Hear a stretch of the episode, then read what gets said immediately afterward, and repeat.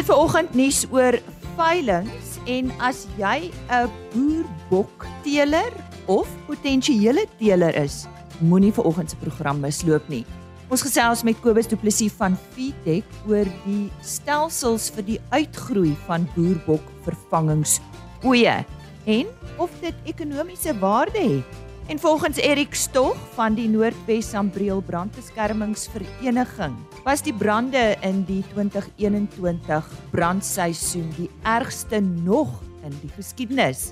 Landbou sukkel tans om voorbereiding te tref omdat gras so nat is, maar hy het raad so moenie weg.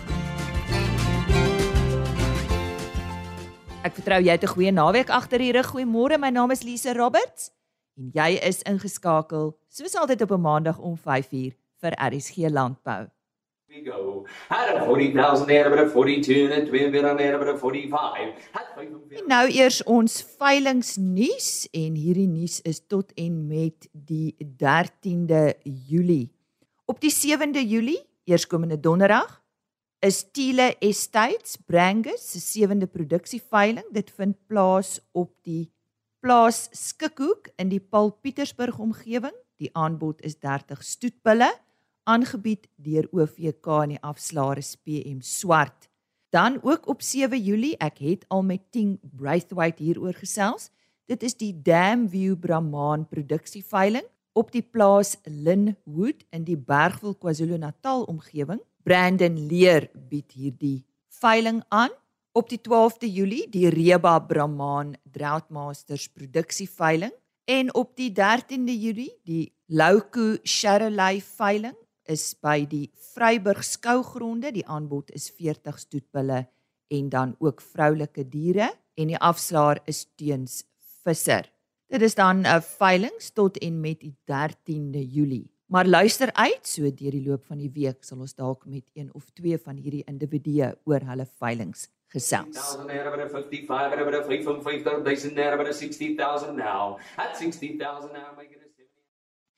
Ons fokus nou op die onderwerp stelsels vir die uitgroei van boerbok vervangingsoeye.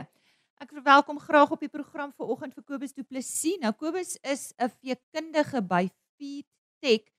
Kobus, ja, môre, dankie dat jy by ons aansluit vandag. Sê nou eers vir my, waarop waarom fokus ons nou juis op hierdie onderwerp? Ons sê goeiemôre. Baie dankie vir die geleentheid. Uh dis lekker om bietjie um ons fokus vandag op hierdie onderwerp want ek het gesien in in my omgewing waar ek is in Limpopo, maar selfs ek glo um landwyd is dit 'n is dit 'n groot 'n groot punt van bespreking uh vervangingsoetjies en en die rede vir dit is omdat dit die die nuwe generasie is um vir van jou kudde en dit is juis waar waarvoor genetiese seleksie ook gedoen word is juis om daai vervangingsoetjies so goed as moontlik te kry. So ek het juis juis op hierdie hierdie punt gefokus om om te te help met wat kan mense uit 'n voedings- en bestuursoogpunt uit die hmm. beste produktiewe en ekonomiese oetjies te selekteer en uit te groei um vir die toekoms in jou kudde om sodan jou jou kudde te kan verbeter en dan ook meer effektief te kan boer. Kobus, voor ons nou oor die ekonomiese aspek daarvan uh, gesels want ek dink dit is op die ou end wat saak maak. Waar bevind jy jouself?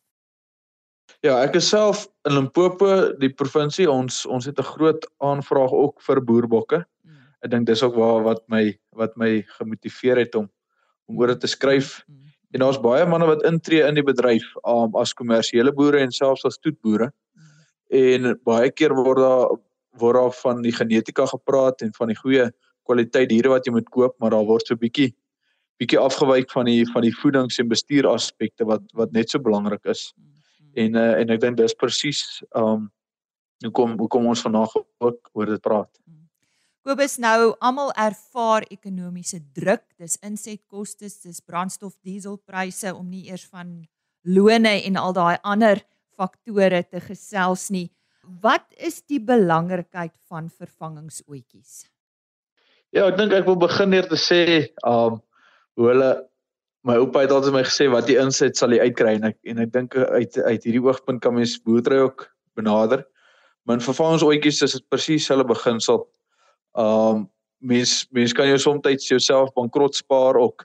En uh, in jou jong ouetjies is dit nou vir my jy's die teenoorgestelde wat jy moet doen. Ek dink mense moet mense moet juist daarop fokus om bietjie meer in te sit in jou jong ouetjies om dan so dan meer uit te kry. En en daarop uh kan mens moet mens kyk na wat jy kan bestuur en een van jou groot bestuursaspekte is maar voeding en dis ook een van jou groot kostes. So ek sal verseker ek sal verseker aanbeveel om om te kyk om jou van ons oetjies so goed as moontlik ehm um, te bestuur deur deur goeie voeding te gee en dit dit begin by kruipvoer as hulle klein is dat hulle laat hulle goeie rumontwikkeling te hê en en maksimaliseer die aanpasbaarheid na na speen.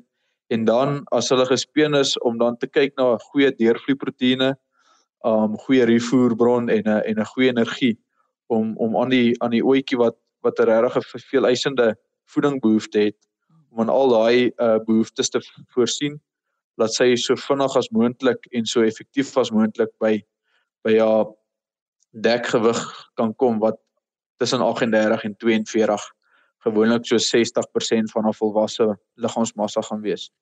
So ja, ek dink dit is ekonomies. Mense dink altyd om te spaar aan voedings en spaar op alles, maar oh, as mens mooi na jou somme kan kyk en en sal sien dat jy uh, soms hoe meer jy insit en en hoe hoe effektiewer jy dan daai voeding in die bestuur kry, hoe meer gaan jy op die einde van die dag dan ook uitkry. Want net soos die voer opgaan, gaan jou gaan jou slag en jou vleisprys daarom ook op. So so dis een positief. As ons nou praat van vervangingsstelsels Kobus, daar seker iets vir almal? Ja, verseker. Um ons praat ons praat van uitgroeisisteme en en elke boer se se as ek nou in Engels gaan sê setup, maar elke boer se uh, omgewing en se fasiliteite sal hom sal hom kan ja, maak hom bewus of maak hom beskikbaar vir elke vir elke stelsel. So jy kry 'n intensiewe stelsel. Dit is waar jy diere intensief voer, waar jy vir hom vir die oetjie spesifiek al die voer moet gee. Jy gee hom 'n volvoer teen so 3 na 3.5% van liggaamsmassa. Saam met die intensiewe stelsel is dit maar gewoonlik 'n hoë bestuurs en 'n hoë insetkoste want want omdat jy al daai uh voeding wat die wat die dier benodig moet moet aanvul.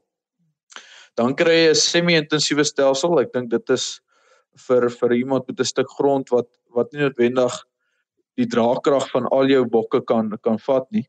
Dan uh, laat jy jou bokke wy, maar jy gee 'n goeie aanvulling en 'n en 'n en 'n gekonsentreerde pil dalk uh aan wat dalk 1 tot 1.5% van liggaamsmassa gaan uh, gaan toe, toegedien word en dan gebruik jy ook jou veiding. So so so party manne beperk die veiding en hulle gee dan hierdie aanvulling en en dit help ook om die om die tyd wat dit vat om die om die ooi op gewig te kry bietjie te versnel.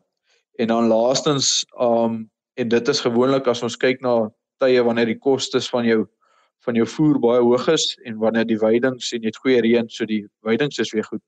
Dan kyk mens dan meer na ekstensiewe stelsels waar jy diere op die veld los waar hulle hoofsaaklik net 'n aanvulling kry teen so 0.4 0.3% van hulle liggaamsmassa en so groei word hulle dan uitgegroei. Dit vat dalk bietjie langer, maar jou hoeveelheid insette is baie laer. Um so daai is daai is die drie drie stelsels. Um mense kan dit dan evalueer op jou plaas en hoe jy hoe jy goed doen goed dink dit sal inpas. Ter opsomming dink ek dit is dis belangrik om die, die volle prentjie in ag te neem as jy een van die stelsels kies ek persoonlik hou van 'n meer semi-intensiewe na 'n intensiewe stelsel omdat dit jou 'n bietjie tyd spaar. Dit um dit gee jou beter groei op jou oeye, so hulle is vinniger op gewig om om by die ram te kom en die vrugbaarheid van die ooi uh tel ook verseker op. En as jy dan 'n oeye moet uitselekteer soos ons aan die begin gesê het van die van die goeie genetika, um dan dan sal hulle sommer klaar op gewig om hulle te verkoop ook. Hm, Kobus, dankie vir daai raad. Ek is seker daar's 'n paar van ons boerbok eh, boere of voornemende boere wat graag met jou wil gesels oor hierdie onderwerp. Maar dan vir die luisteraars noem, julle is baie welkom om Feedtech se webtuiste te besoek www.feedtech.co.za, maar as hulle sommer direk met jou wil gesels, jy het nou 'n anderste e-posadres, miskien moet jy dit net vir ons deurgee asseblief Kobus. OK, dis dis kobus@makulubeef.com. Um jy kan my ook kry by kobus@feedtech.co.za co.za So sê Kobus Du Plessis, hy is veekundige by Feedtech en soos ek gesê het, besoek gerus www.feedtech.co.za, maar as jy graag direk met hom wil gesels, dis Kobus by makulubeef.com en hy het vandag met ons gesels oor stelsels vir die uitgroei van boerbok vervangingsoeye en in die Julie uitgawe van Veeplaas is daar ook 'n volledige artikel.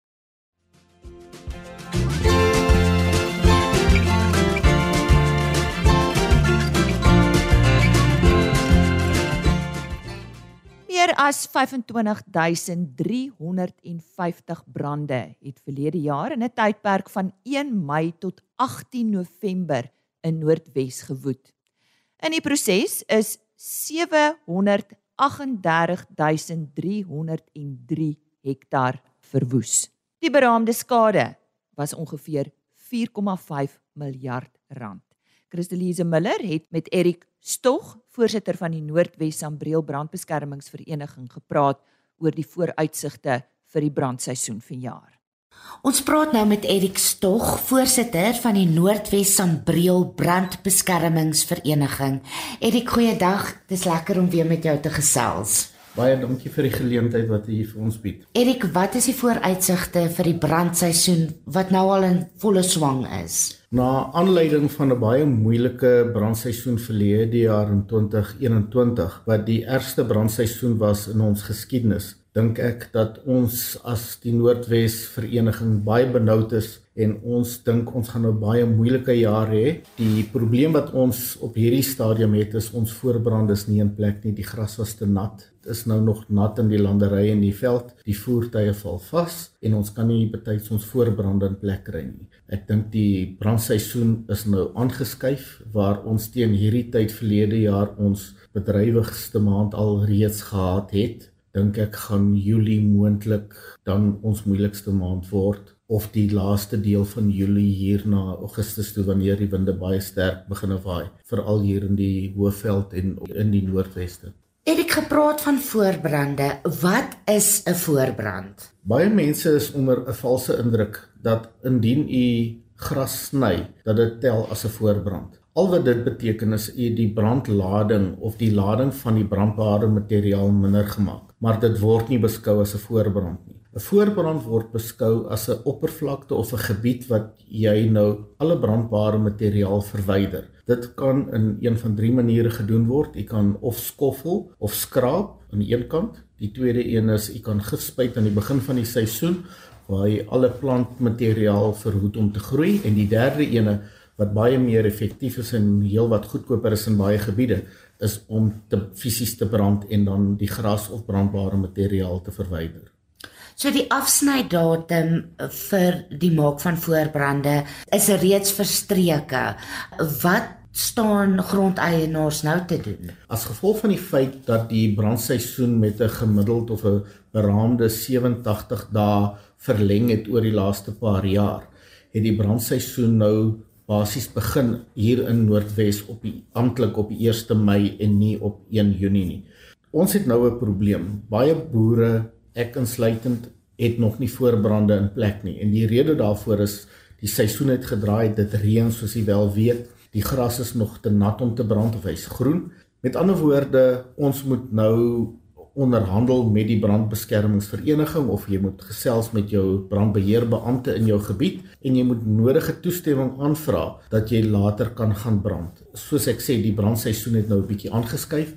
So ek dink ons het nog tyd om te werk, maar ek gaan dit in samewerking moet doen met die brandbeskermingsbeampte in die gebied en ook in samewerking met die plaaslike brandbeskermingsvereniging. In die Noordwes provinsie het ons 20 brandbeskermingsverenigings en ons het 4 distrik brandbeskermingsverenigings en enige ene van hulle is bereid om te help om die nodige inligting vir u te voorsien en die nodige vorms te voorsien sodat u wel aansoek kan doen vir die verlenging om die voorbrande te kan maak.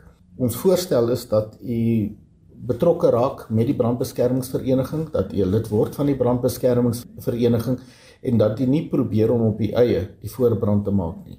Die beste wat ons besef het in die provinsie is werk saam met die bure en werk op so 'n manier dat u op 'n winsteldag of op 'n dag waar die brandgevaar indeks laag genoeg is sodat daar nie 'n probleem is met 'n weggolbrand wat dan weer ander skade gaan veroorsaak nie. Erik, ten opsigte van die vereniging self en in terme van lidmaatskap en betrokkenheid, wat is die uitdagings? Ek dink onkunde is 'n groot probleem wat ons het. Mense verwar die feit dat jy lid kan word van 'n boerevereniging wat 'n vrywillige vereniging is en die verskil tussen 'n boerevereniging en die brandbeskermingsvereniging is dat die boerevereniging 'n vrywillige organisasie is waar jy aansluit om u te help om u boerderybedrywighede te bevorder. Die brandbeskermingsvereniging is 'n statutêre liggaam wat geskep is in terme van wet 101 van 1998 en die wet vereis dat u 'n lid word maar alle staatsinstellings moet 'n lid wees waar 'n privaat individu die reg het om lid te word al dan nie. Wat mense nie besef nie is dat indien u nie 'n lid is van die brandbeskermingsvereniging die reëls en die regulasies van die brandbeskermingsvereniging is wel nog van toepassing op u eiendom in daai gebied waar die brandbeskermingsvereniging uh, die mandaat het om die werk te verrig in terme van die wetgewing. In terme van lidmaatskap van staatsinstansies en nie net staatsinstansies nie, privaat maatskappye en grondeienaars, hulle betrokkenheid, gaan dit goed op daai gebied? Die kort antwoord is nee.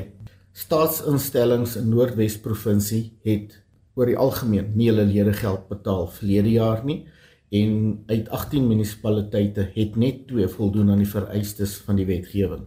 Ons is nou besig om regstappe te neem teen al die staatsinstellings, al die munisipaliteite en al die staatsdepartemente. Dit sluit nou Sanral Transnet, Telkom, Departement Waterwese, munisipaliteite, provinsiale departemente en nasionale departemente aan uh, in die provinsie wat nie hulle lede gelde betaal het nie. Ons het baie hard probeer. Ons het intedeel agteroor gebuig om vir die mense die geleentheid te gee om ledegeld te betaal. Uh, ons van die vereniging het etlike gesprekke gehad met die verskillende departementshoofde. Ons het 'n uh, vergadering gehad met die premier en die DG. Ons het ook voorleggings gedoen vir al die provinsiale departemente en departementshoofde waar ons verduidelik het wat die vereistes of die statutêre vereistes van die wetgewing is en die DG in die provinsie het onder opdrag van die premier 'n brief gestuur aan alle staatsinstellings en provinsiale staatsinstellings en munisipaliteite om vir hulle te sê dat hulle lidmaatskap betaal moet word dat die nodige toerusting aangekoop moet word en dat hulle lid moet word van die brandbeskermingsvereniging en dat hulle ook alles moet doen volgens die wetgewing en ongelukkig het die mense dit geïgnoreer. Ons dink tot 'n mate is daar faksionalisme wat 'n betrokken 'n betrokkenheid hier het. Dit gaan nie oor mense wat nie net die werk wil doen nie, maar ons gaan ook eh, regstappe neem om die staatsinstellings te dwing om die nodige aksies te doen met ander woorde om voorbrande te maak om nodige toerusting te kry om mense op te lei. Ons is heidaglik besig Die dokumentasie is reeds oorhandig aan ons prokureurs. Nou is ons besig met wat hulle noem zero tolerance. Ons het met die nasionale vervolgingsgesag 'n uh, gesprek gevoer en hulle is bereid om vir ons te ondersteun met hierdie. En ons is ook besig met die ouditeur-generaal om die departemente wat nie voldoen aan die vereistes van die wetgewing aan te spreek ten opsigte van die nalatigheid of die wangedrag as ek dit so mag uitdruk wat nou voorkom wat mense se lewens in gevaar stel en wat eiendomme en diere en die uh, omgewing as sulks ook in gedrang stel ten opsigte van brande wat nie onder ge beheer gebring word nie. Erik kortliks, wat is jou boodskap aan die gemeenskap? Dis moeilik maar ek sal begin om te sê wees betrokke. Raak betrokke by u plaaslike brandbeskermingsvereniging. Dit kos nie veel nie. Dis die goedkoopste versekerings wat u kan betaal. Beveilig u eiendom, u eie gesin, u volk op die plaas of op u eiendom en u vee. Maak seker dat u voorbrande het om die belangrikste bates wat u het. U kan nie meer daarop staat maak dat die brandweerdienste gaan uitkom nie want hulle het nie genoeg mense of voertuie om uit te gaan nie Maak seker dat die nodige voorbrande in terme van die beskikbare regulasies in plek is. As u dit nie kan doen nie, as u dit nie alleen kan doen nie, praat met die brandbeskermingsvereniging. Ek is seker daarvan die mense sal help. En indien u nie regkom en dat daar 'n probleem is met die brandbeskermingsvereniging, is u welkom om 'n e-pos na ons toe te stuur en ons sal kyk hoe kan ons dit fasiliteer. Dit is in ons belang as gemeenskap om saam te werk. Die volgende punt is meld asseblief elke liewe brand aan by die polisie en maak seker dat u die masnommer dan vir u brandbeskermingsvereniging deurstuur. Maar hier wil ek ook inbring dat u miskien opleiding vir u volk op die plase moet gee. Maak seker dat die persone deur 'n geakkrediteerde maatskappy opgelei word. As daai persoon beseer word, gaan dit 'n baie duur les wees as u dan moet probeer om by departement mannekrag moet probeer verduidelik hoekom is iemand beseer wat nie opgelei is of wat nie die nodige toerusting of beskermende klere het nie. Dit is nie so duur om die mense op te lei nie en u kan dit afskryf teen die belasting. Die volgende punt is en hierdie gaan ek seker nou myself ooplaat vir redelik kritiek. Maar die feit dat jy 'n lid is van 'n boerevereniging beteken nie dat jy outomaties 'n lid is of 'n erkende lid of 'n bonafide lid is van 'n brandbeskermingsvereniging. Maak asseblief seker dat as die boerevereniging namens u die lidmaatskap betaal by die BBV dat jy 'n BBV lidmaatskap nommer kry en 'n kwitansie kry van die BBV. Ons algemene bestuurder Dr Kobus Roo kry gereeld navraag van die versekeringsmaatskappye wat hulle wil weet, is die persoon 'n bona fide lid van die brandbeskermingsvereniging en kan ons bewys dat hy voldoen het aan die vereistes van die wetgewing. Met ander woorde dat hy die nodige toerusting het, dat die toerusting bruikbaar is, dat hy mannekrag het wat opgelei is en so voort. Ehm um, dit is nie dat hy beklei met die boereverenigings nie, ons werk saam met die boereverenigings Inteendeel, die vier boereverenigings in die provinsie sit ex officio op ons uh, bestuur. Maar al wat ons vra is maak net seker dat u lidmaatskap by die brandbeskermingsvereniging reg gedoen is in terme uh van die wetgewing sodat u die nodige dekking kan kry van die versekeringsmaatskappye en dat daar in die geval van 'n siviele eis dat u wel dekking kry want u moet onthou dat wet 101 is die enigste wet wat ek van weet waar u nalatig geag word totdat u die teendeel kan bewys. En wat dit beteken is as u nie lid is van die BBV en die ander punt is ook in plek met ander woorde die voorbrande, die toerusting en die opleiding word u outomaties nalatig geag totdat u die teendeel kan bewys. Die volgende is 'n klein dingetjie. Die lidmaatskap wat u betaal aan die brandbeskermingsvereniging is 'n klein bedrag. Dit wissel van R100 per jaar by sekere brandbeskermingsverenigings tot en met 'n paar duisend rand in ander brandbeskermingsverenigings. Ons moet bewus wees van die feit dat dinge duur geword het. Ons moet bewus wees dat hierdie bedrag teen u belasting afgeskryf kan word en ons moet ook uh weet dat hierdie bedrag tel basies in die vorm van 'n versekering. As jy lid is van die brandbeskermingsvereniging, gaan al die lede van daai BBV verniet vir u kom help. Dankie Erik. Dit was Erik Stoog, voorsitter van die Noordwes Sambreel Brandbeskermingsvereniging. En Christelise Miller het met hom gesels. Ons het natuurlik verlede week ook 'n onderhoud uitgesaai waar eh, Koos de Pisani, ons medewerker in die Noord-Kaap, ook raad gekry het oor voorbereiding vir brande in die Noord-Kaap.